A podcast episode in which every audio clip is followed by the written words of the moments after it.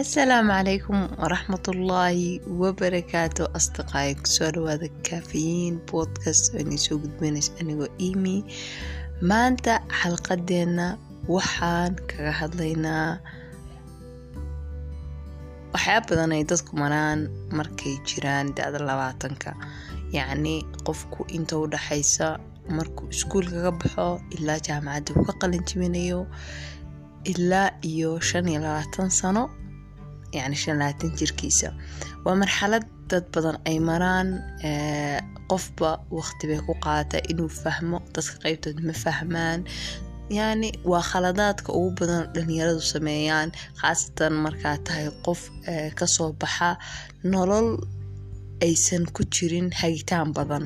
Yacni mathalan oo kale sida nolosheena annaga hadda jiilkii annaga naga horeeyay waa jiil tadarur ama dhibaato kaga imaatay qeexii iyo qaxootigii iyo inuu wadan cusub tago inuu wadan cusub la qabsado iyo in uu micnihii la la dhilgarayo stragalada ama dhibaatooyinka ka imaaday inuu yahay qof muhaajir ah dhibaatada ka imaaday inuu yahay qof bilaa aabaa aabayo aabayaashood ku waayay dagaaladii yacni waxyaaba badan. Yani dadka sagaashameeyadii dhashay weliba khaasatan dadka sagaashan iyo kowdii dhashay awaakhirkii awaa-ilkii xuruubta wadanka ka dhacaysay waa dad wax badan arkay. Intii ka dambeysayna dee wadanku wuxuu u baahan yahay yani dad buu u baahan yahay haga fa badanka dhalinyarada waxaa la dhahaa maalin waxaan akhrinayay daraasaad isku sameynaysa isbarbardhig jiilka labaatan yani alfiyada ah dhashay labaatameeyada iyo jiilka sagaashameeyada dhashay. Waxaa leeyahay dadka ugu leysiga badan waa jiilka dhashay mataqaanaa sagaashameeyadii waa dad leysiyiin ah. Waxaa la dhahay jiilka hadda alfiyada dhashay waa jiilka keliya yani intuu bini aadan jiray aabayaashood waxbaray yani waa jiil teknolojiyada fahansan waa jiil mataqaanaa yani wax badan oo adduun ka socda maanta fahansan laakiin ciladaha ugu waaweyn ay leeyihiin waxaa ka mid inay yihiin kheyru mas'uuliyiin waana wax walaalaha yarka ku arko marka maanta xalqadeen waxaa ka hadlaynaa waxyaaba ay keento in uu qofku maaragtay khaladaad uu ku dhaco ha noqoto qaab korinteena ama qaabka anagu u soo marnay iyo dagaalada iyo waxaana saameeyay bulsho ahaan iyo wax si dabiiciya u jira. Aniga way soo wada martay run ahaanta iyagoo dhan way soo wada mareen. Waa toddoba qodob. Qodobka ugu horeysa wuxuu leeyahay waxaad dareemeysaa markaa jaamacadda ka baxdid ama xilliga labaatanka yacni labaatan ilaa labaatan iyo shanka labaatan iyo lixda labaatan iyo toddobada waa qof walbii siduu markaas uu u helo meeshuu mari lahaa inaad tahay qof lunsan. Lost baa dareemeysaa sababtuna waxay tahay run ahaantii waxaad isweydiinaysaa su'aalo waaweyn oo ah anugu maxaa u jiraa? Maxaa u noolahay? Ma ahan inaad ahayn qof bilaa caqiida ee waxay tahay inaad tahay qof bilaa hadafa. Weliba khaasatan sida anagu ku korno oo ah sida dadka soomaalida badankooda yacni ay ku koraan waalidkeen waa waalidkii dhibaatadu ku dhacday. Fa wuxuu la la mn la dagaalamay suu nolosheena uu u ilaalin lahaa ee ma ahan siduu hagidaada adiga kuu qaban lahaa. Taa waxaa ku sii dartaa in faamiliyada soomaaliyada doorka aaba uuba ka maqan yahay intii hadda uu qaxu jiray. Yani masalada qaxa ah wax badan bay waxay sheeb garaysay ama samaysay qaabka ummadaha yani ummadda soomaalida ay u nooshahay halkan maadaama wadan yani maadaama aysan jirin qoyska laga qofka curadka ama walaalka ama walaasha ka weyn ay guursadeen adiga tahay markaa qof jaamacadda ka soo baxay. Jaamacadda kabacdi qofku wuxuu dareema inuu lost yahay. Ilaa mar ilaa sanada ka dameysa anu maxaan waxaan u qabanaya qofka shaqala-aan badan baa wajahda waqti firaaqo badan baa qofkuu la kulmaa fa waxaasoo dhan qofku waxay ku dhaliyaan su'aalo badan. Mararka qaarkood waa nooshahay waxa u nooshahayna ma garanaysa meelaa wax ka bilowda ma garanaysa fiiri qofku inuu hadaf hayo dhib ma lahan. Laakiin hadafkan sidaa ku gaari lahayd way adag tahay leanna qof ku imanaya oo instruction ku siinaya oo ku dhahaya marka ugu horeysa sidaa samee marka ku xigtana saa samee marka ku xigtana saa samee ka ku xigtana wuxuu kuu keenayaa natiijadaa rabtay ma jirto. Waa ina adigu mataqaanaa aa wax walba ogaatid aa wax walba baartid. Waxaa laga yaabaa inaa afar sano jaamacad soo dhiganaysay shan sano jaamacad soo dhiganaysay. Aad niyadaada ku jirtay markaan waxaan dhameeyo shaqan helayaa laakiin niyajabka u weyn kaa imaaday in wax walba ay tahay si ka duwan aduusaa moodeysay mida kale waxay tahay anuu jaamacadaha uma galno suuqu muxuu u baahan yahay? Waxa u galnaa maxaa lacaga nooga soo xaroonaysa iyo maxaa maaragtay markaas aan heli karnaa? Taasina waa dhibaato badan hadhowta keenta sadamaad bacda takharuj ama dhibaatooyinka yacni ku imaada qofka marka uu dhameeyay kabacdi laga yaabaa in waxba u in shaqadaadu ay tahay shaqo waxaa ka soo baratay waxaan aada loo baahnayn oo laga baxay inta adugu ku soo jirtay marathonka waxbarashada. Qofku wuxuu dareemayaa inuu lunsan yahay wuxuuna isweydiinayaa as-ilad wujuudiyeed ama as-ilad kowniyeed oo aanu maxaa u noolahay maxaa noloshan ka rabaa maxaan wax u qabsan la-ahay maxaan wax u gaari la-ahay waxaana timaada in dhalinyaradeenna in yareeyo ka mid ah shaqala-aanta wadanka jirta ay ku helaan shaqo yani ama garabation ha noqoto ama nasiib ha noqoto in yar ay ku helaan yani ama qof kartiisa ku keensada ha noqoto ay tahay shay aada u adag ama garabation ha noqoto shayga keliya waxiidka in qof uu ku shaqo geeyo adoo intaasoo sano wax soo baranaya ee shahaadaada waxba ahayn ama meel adigu mudan tahay qof kale oo maaragtay mudnayn la geeyo. Fa waxaad isweydiinaysaa anugu maxaan yani u noqon lahay qofkaas ayadaan maxay ii qaadan lahay meeshan maxay ii qaadan laadahay waxaa gelaysaa marxalad wareegasho ah. Maaragtay jiirka markii lagu dhexdidoo kale cajalada wareegata saasoo kale. Waad wareeganaysaa shaaga wareego kale markii lagu dhexrido saas u wareeganaysa su'aalo badan oo naftaada ku salaysan baa isweydiinaysaa. Mid ku salaysan wujuudka iyo koonka iyo aasaaska abuurkaaga isweydiinaysaa dad badanna waxay filanayaan inay tahay qofku inuusan yaqiin haysan. Qeyb way ka qaadanaysa in iimaanku ku yartahay qeyb waxay ka qaadanaysaa in maaragtay aad tahay qof less experienced ah. Fa waxyaabahaasoo dhan waxay kuu keenayaan inaad isweydiid su'aalo inaad lunsanaatid waqti intee leeg baa run ahaantii qaadanaysa waa qof walba iyo xasbi mataqaanaa muruqa la qabsashada maskaxdiisa dad baa waxaan wacyi u haysta oo durbo fahmaya in uu dariiqa uu bedelo ama xal uu keeno. Dadna su'aalahaas waxay ku qaadan kartaa saddex sano afar sano. Run ahaantii xitaa mararka qaarka waxaa imanaysa in adoo maaragtay wax kasta haysta shaqo haysta inay su'aalahan imaadaan. Waana waxa mararka aa la yiraa twenty five crisis yacni ageka labaatan iyo shan dhibaatooyinka loo imaado. Qofku markuu labaatan iyo shan sano jir dhibaatooyinka uu la imaado. Marka taana way keeni kartaa. Marka waana marxalad ku iman kartaa jaalanjiyada ku soo wajaha nolosha iyo filashadaadii ku aadanayd shaqaalaha iyo shaqaysiinta iyo inaad qoyska wax ka badashido naftaada wax ka badashidoo la burburiyey inaad hesh aad tahay qof shaqo haysta laakiin micno aysan noloshaadu aysan lahayn ama hadaf lahayn ama hadaf aaleed hadafka gaari weyday. Midaas waa midda ugu horeysay midda kale waxay tahay anigu aan soo maray inaanan lahayn waxa loo yaqaano qorsho dheer. Qorshaha dheer waa fikrad uu qofku haysto mustaqbalkiisu siduu u sawiranayo mathalan dhibaatada nagu dhacdo waxaa ka mid a inaad haysatid fikrad ku aadan waxbarashada markaad dhamaysid inaad shaqaysiisid.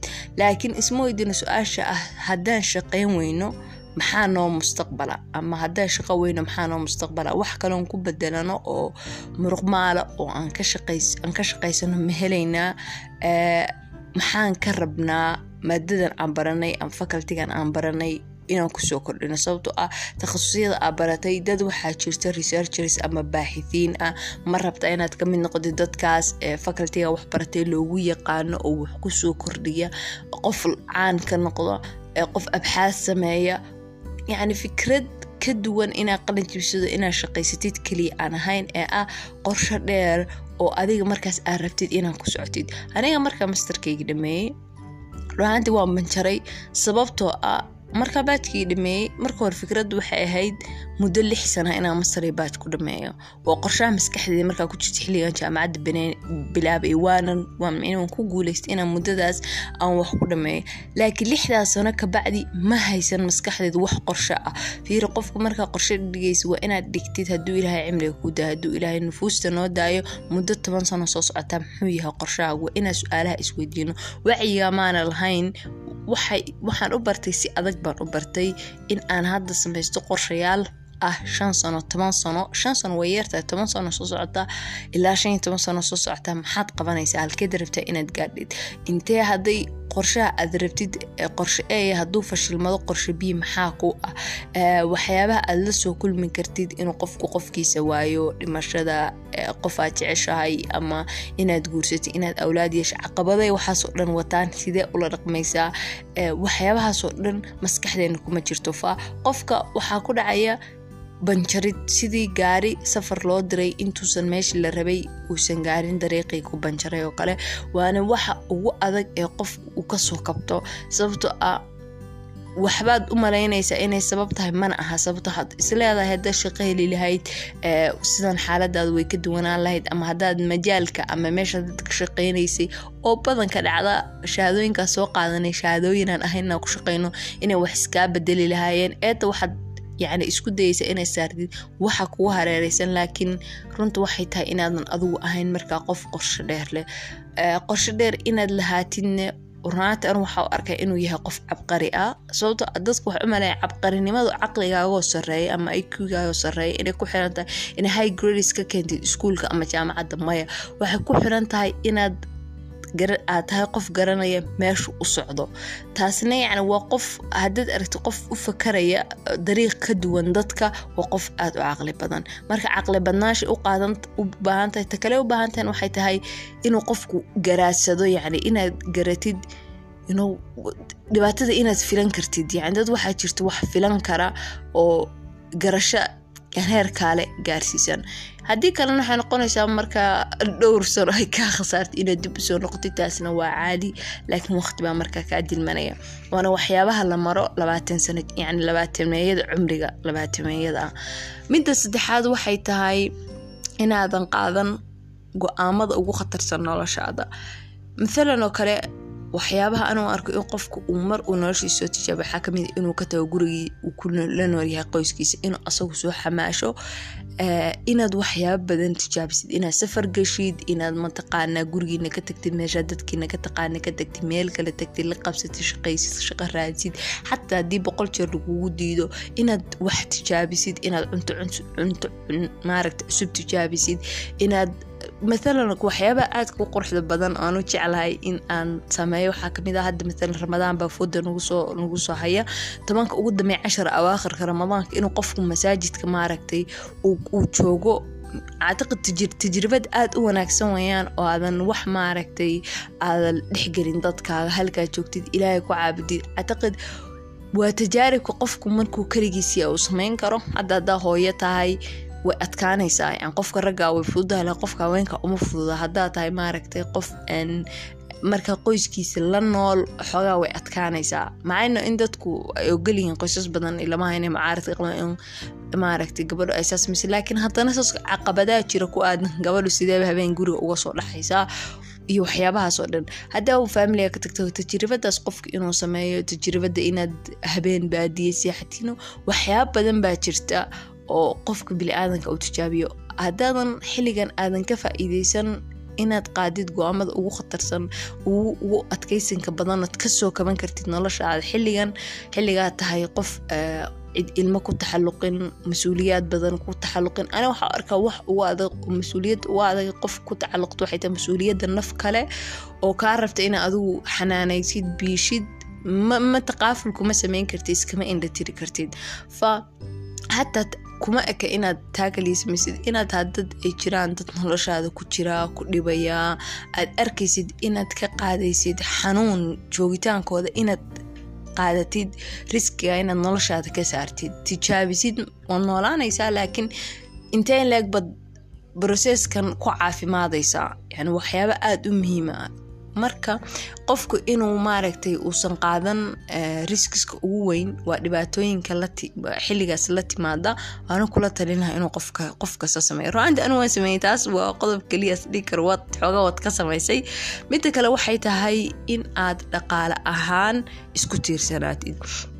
Waxaa la yaabay meelo badanoo maray in anagu nahay dadka keliya ee suga inay waxbarasho dhammeeyeen si shaqo u helayaan waa fikir aada iyo aada iyo aada u khaldan waana fikir keena in dhalinyaro badan ay nolosha ka dhaceen balwadii aadeen mataqaanaa ilaahay ka fogaadeen dadkoodii ka fogaadeen nufuustoodii waayeen in ay tahay in inta sideed iyo toban sano ama labaatan sano ku dhowaad wax soo baratay maalintaa timaaday aad isku diyaarisay adoo full of energy ah inaad shaqayshid lagula kulmaysiiyey su'aalaha ah yaa tahay in ayaa tahay. Xageed ka timaaday maxaad noo yacni maxaadna siinaysaa bilmuqaabil khaasatan gabdhahaytana ku timaada maxaad isiinaysaa aan ku siiya sidii isweydaarsasho waa waxyaabaha ugu badan maskaxda qofka dhalinyarada saameeya.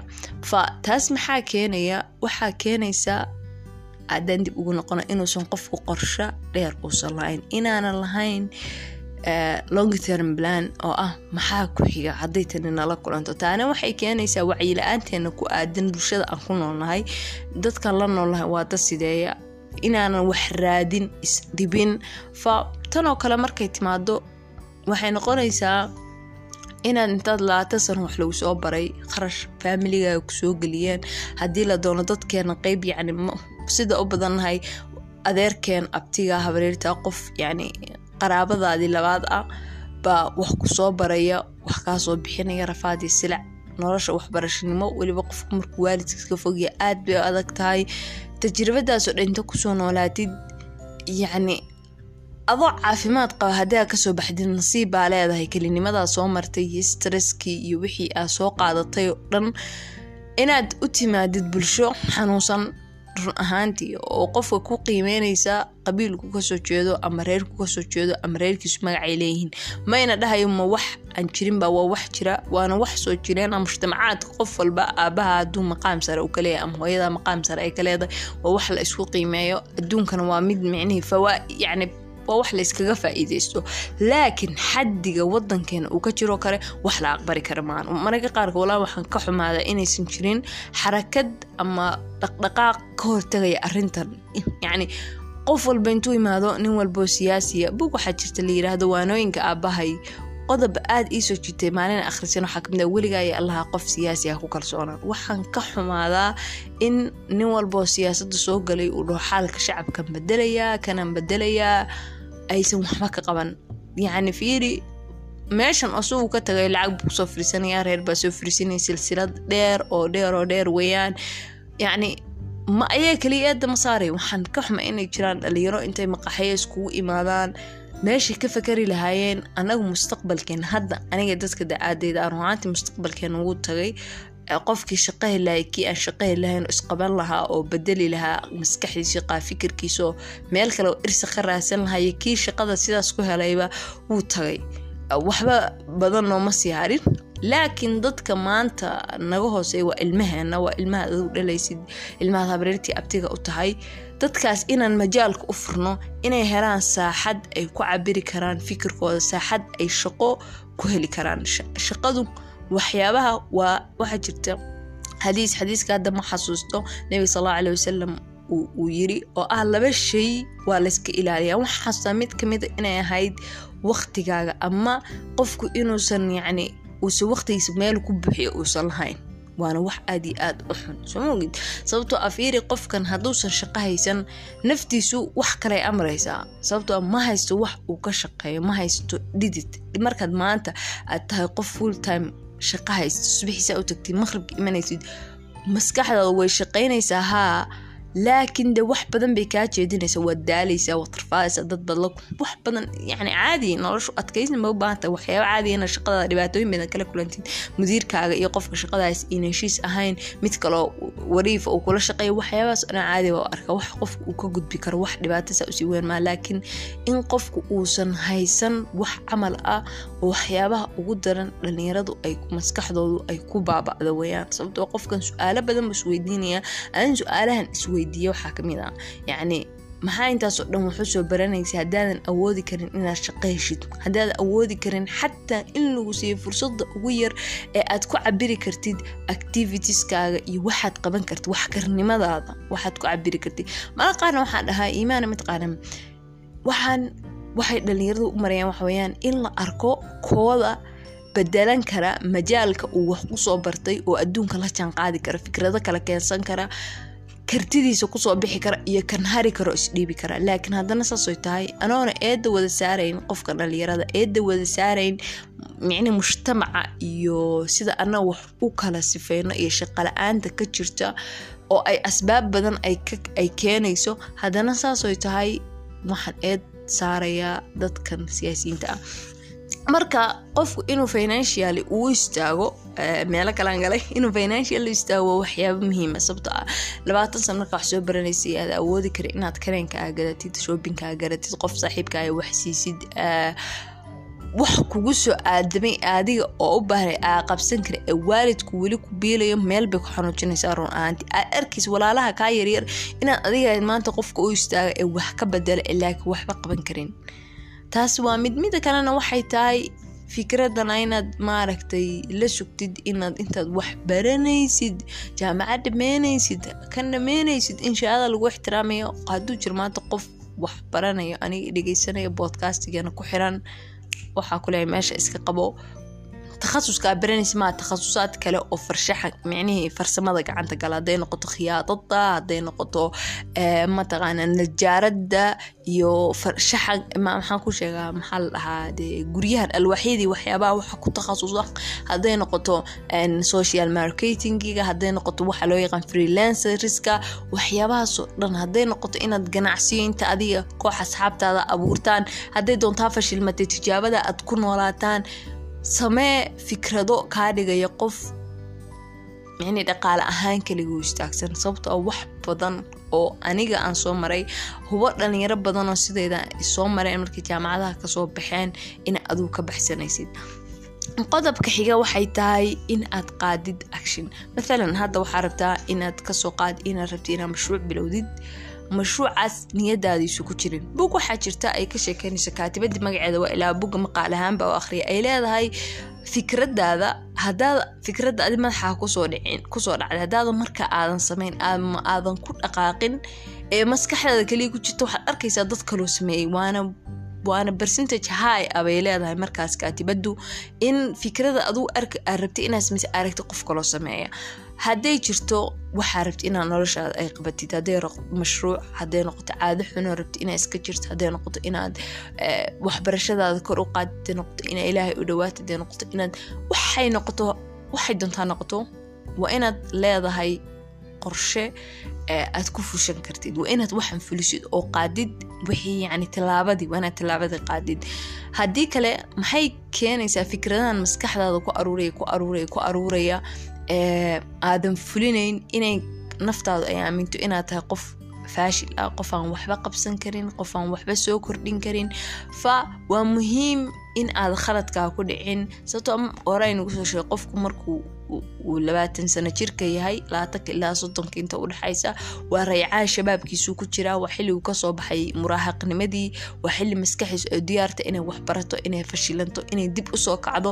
Waa xilli mathalan oo kale ka soo qaado waxaa inii sheegayaa markuu dhaawac ku gaaro adiga saa u bogsan kartid uma bogsan karo qofka waayeelka waa saasoo kale. Waa inaad qaadid marka tallaabadii aad waxaad rabtay aad ku gaari lahayd ee aadan ka baqin. Maanta ani hadda bodcastiga markaa bilaabayay inama dhihi ani maanta dad badan baan gaarnay kan iyo kan laa bilcagsi dad fiican bay dhegeysta alxamdulilah waana ku mahadanya qof walba dhegeysta laakiin fikradeedu waxay ahayd inaan noqdo qof fikradaha iyo waxyaaba madaxeeda ka guuxay dadka la soo wadaagta haddayna dhaho bodcastiga sanadkan markaan bilaabayay fikrad bodcastiga maskaxda ku jirto kuma jira anu youtube baan bilaabay youtubekii asbaabo badan oo ay ka mid tahay qalabkii iyo inaan meela wax ku duub helo maaragtay baa iga fashilisay. Ma fashil laakiin tajribada waan ku noolaaday. Waxaan arkay saan wax ku wada inaysan shaqayn inaa si kale keeno intaa si kale ka keenayo waa inaa helo meelaan aanan u joojin ujeedkii ahaa inaanan wax soo gudbiyo. Markaa kadib baa raadiyey waxaa isoo baxay bodcastiga wax aaminsanahay haddaa maanta iska dayn lahaa ama joogsaman lahaa tijaabadeedii ku salaysnayd youtubeka iyo tijaabadeedii ku salaysnayd maaragta waxyaaba kaloo tijaabiyey oon soo maray iyo xitaa bodcastiga siduu maaragta u soconayo haddaan intaa ku joogsado waxaa aaminsanahay in anugu ahay qof markaas isku keentay isku xukuntay in ay waxay rabtay dib uga joogsamatay. Laakiin waxaan go'aansaday inaan u istaago codkayga iyo fikirkayga. Marka waa inaad riskiga aad qaadi kartid. Qodobka lixaad oo ku xiga waxay tahay wax ka baro lacagta. Waxaan isweydiiyaa mataqaanaa su'aal ah marka iskuulka dhiganayno horta waxyaabaha asaasiga u ah nolosha bili-aadanka maxaana loo bari waayaa? Sida loola tacaamulo lacagta sida loola tacaamulo nolosha caqabadaheeda sida loo maareeyo mashaacirta ama emotionka. Waxyaabahaas oo aada u arko muhiim ah sida guri dhaqaalaha guri waxaa jirta waxaa leeyahay house economy guryaha dhaqaalahooda. In maaragtay gabadhu gabdhaha la baro siday guryahooda ay u dhaqaaleysan lahaayeen yacni dhaqaalo lacagta soo gasha iskugu feenineysiin lahaayeen. Waxyaabahaas u ah u arko inay tahay waxyaabaha ugu muhiimsan. Xitaa waxyaabahaas oo dhani waxay gala muhiimsan in qofka uu qaadan karo lix bilood oo training oo lagu barahayo xaalad emergency ah hadday qof maaragtay ay ku dhacdo qoyskiisa ka mid ah ama qof waddada maray siduu qofka noloshiisa u badbaadin lahaa. Waay iskuulaadka waxaasna loogu dhigilaya na loogu dhigo waxyaabo sanadka imtixaan ku mara maahane sanad ku xiga ilowna bisha imtixaan ku mara kaliya xafisana bisha ku xigta waan ilownay fa waxyaabaa arka inay muhiim tahay hadduu jiro qof aaba ama qof hooye dhegaysanaya aan dhihi lahaa barta idinku sida ilmihiina u bartaan waa la tacaamulka lacagtu. Lacagtu waa wax wax kuu sahasho weeyaan. Waa shay kuu sahlay. Mathalan ani maanta markaa rabo inaan podcastigayga haddaan maaragta rabo inaan meelo badan ku faafiyo kale. Spotify ba waxaan ka noqonaya mimber lacag baan bixinayaa haddaa raba inaan mataqaana hadda mathalan oo kale youtubeka waan jecla youtubeka. Aan furto waxaan u kaamirooyin waxaan u qalab waxaan u inaan travel gareeyo soo duubo sow lacagta waxay ii fasilitateyn kartaa ama ii fududeyn kartaa inaan waxyaabahaas oo dhan aan qabto. Sidoo kale inaan wax ku noolaano yacni lacagta waa shay muhiim ah barashadan waa shay muhiim ah. Haddaa rabtid inaad gashid barashada lacagta buugga ugu horeysa kugula tali lahaa waxa weeyaan buugga al abul faqiir al abul qani rich dad poor dad oo ah aabaha qaniga aabaha faqiirka ah waxaad ka helaysaa isagoo carabi ah waxaad helaysaa isagoo english ah waxaad ku helaysaa p d f oad kala soo degi kartid googilka fa waa muhiim in aad fahantid lacagta. Ma ahan kaliya inaad ku fakartid inaad lacag heshid. Sidaad u gaartid xoriyad dhaqaale oo adiga yacni aadan ahaan qof maaragtay lacag yaroo ku shaqeynaya bishii suga intaan bishu dhammaana kaa dhammaata ee aad yeelatid waxaa loo yaqaan passive incomeka iyo hadday noqoto inaad tahay qof markaas maaragtay shaqo la'aan hayso oo raba inuu fikradahi mashaariic bilaabo oo qof eber iska soo bilaabo inay noqoto mar walba waa inaad fahantid lacagta. Maaha dhaqaalaha lacagta. Haye barashada lacagta waa waxyaabaha ugu muhiimsan ee qofka uu baran karo xilligaa sababto maskaxdaadii waa diyaar maskaxdaadii waxay qaadan kartaa informationkan waxna waad ku tijaabin kartaa tijaabadii way kuu furan tahay qodobka ugu dambeeyo raba inaan ku soo gunaanado waxay tahay qaado waqtigaaga. Yacni inaad baratid in aa maaragtay qaadashada waqtigu ay tahay shay muhiima badanka dhammaanteen waxaa rabnaa inaan waxaas aan ka helno resultiga isla hadda isla daqiiqadan isla markan. Mararka qaarkood run ahaantii waxay qaadanaysaa waqti ka badan adiga saa moodeysay waxaa xasuustaa labadii kun iyo sideed iyo tobanka dhaqanada aan bilaabay inaan maanta u ahay qof si joogta u sameyso hadda waa labadii kun iyo sideed iyo tobanka. Labadii kun iyo sideed iyo tobanka markaan bilaabayay waxaan islahaa laba bilood kabacdi bil kabacdi waxay ka mid noqonaysaa rootiinkaaga subaxii samaysid ama habeenka samaysid ama rootiin maalmeedkaaga. Laakiin waxa igu qaadatay ilaa waqtigan hadda aan joogno in ay noqdaan wax rootiinka ay ku jirta. Saddex sano ayaan soo waday si maaragtay aan u joogteeyo fa waa saasoo kale wax adi markaa bilaabaysaas dhihin allah haddaa result ka helayaa haddaa tahay qof dhaawacan haddaa tahay qof raba inuu dhaqaalihiisa kordhisto haddaa tahay qof raba inuu qoys samayso haddaa tahay qof raba inuu ilaahay u dhawaado haddaa tahay qof wax allaale waxaa rabtid waxa ogaataa waxan in ay qaadanayaan waqti inaad waqtigaa siisa haddaad stress ku rido tiraa allah haddaa raba inaad qabto allah haddaa raba inaad sameeyo waxaa ogaataa inaadan wax natiija ka helayn degdegu waa camalka shaydaanka fa waxaad ogaataa noloshaada whaever aa maraysid waxay qaadanaysaa waqti. Fa maxaan dib ugu galaynaa toddoba waxaan idhahnay toddoba toddoba khalad oo ay galaan dadku markay labaataneeyada yihiin in qofku yacni uu dareemo inuu qof lunsan yahay in uu aanan badanka aanan lahayn qorshe dheer in aanan qaadan riskiska ugu badan markaan marxalada ku jirno inaan financially aanan u noqon dad maaragtay isku tiirsan ama sugno intaan jaamacada ka baxayno sidaan shaqo u helno inaanan ahayn dad ficilkii la imaada ee afka keliya ka hadla inaanan waxba ka aqoon waxa loo yaqaano thaqaafada lacagta. Mida kalena waxay tahay inaan rabno inaan wax walba ku helno si daqiiqada ah. Taasna waa waxaa macquul noqonayn waa ogahay maanta xalqadeena boodkastiga aad iyo aad ayaanu dheereeyey laakiin markaad duubayay waxaan dareemayay inaan mataqaanaa faraxsanahay waana faraxsanahay. Fa waxa ina leeyahay taas waa khaladaad ay soo gashay macalimadiinii ka faa-iideysta inayna sidaas iina sameyn. Hadduu ilaa yiraahdo haddaa ku jirtidna ogow sidaad maaragtay uga maaragtay uga bixi lahayd ama haddaadan marka waxaa dhacda qofka inuu dhibaato ku jiro uusan fahansanayn dhibaatada uu ku jiro waxay tahay. Fa inaad fahantid baa ka horeysa waxaan inaad ficil ka qaadatid sooma tamanaa waxaa rajeynaya inaa inii kala cadeeyey inay dhibaatooyinkaas yihiin wax dhalinyaradu ay maraan xilliga labaataneyada ayna tahay wax caadi ah ayna tahay wax barashadeeda waqti kugu qaadanayo dadka qeybtoodna ma bartaan way iskala noolaadaan. Waana mid caadiya dadka isku mid ma ahan. Fa maanta xalqadeena intan ayaan ku joojinaya hadduu ilaa yiraahdo xalqadan xalqada ku xigta intaan ku kulmi doono sidaas waxaa naga tegayaa wasalaamu calaykum waraxmatullaahi wabarakaatu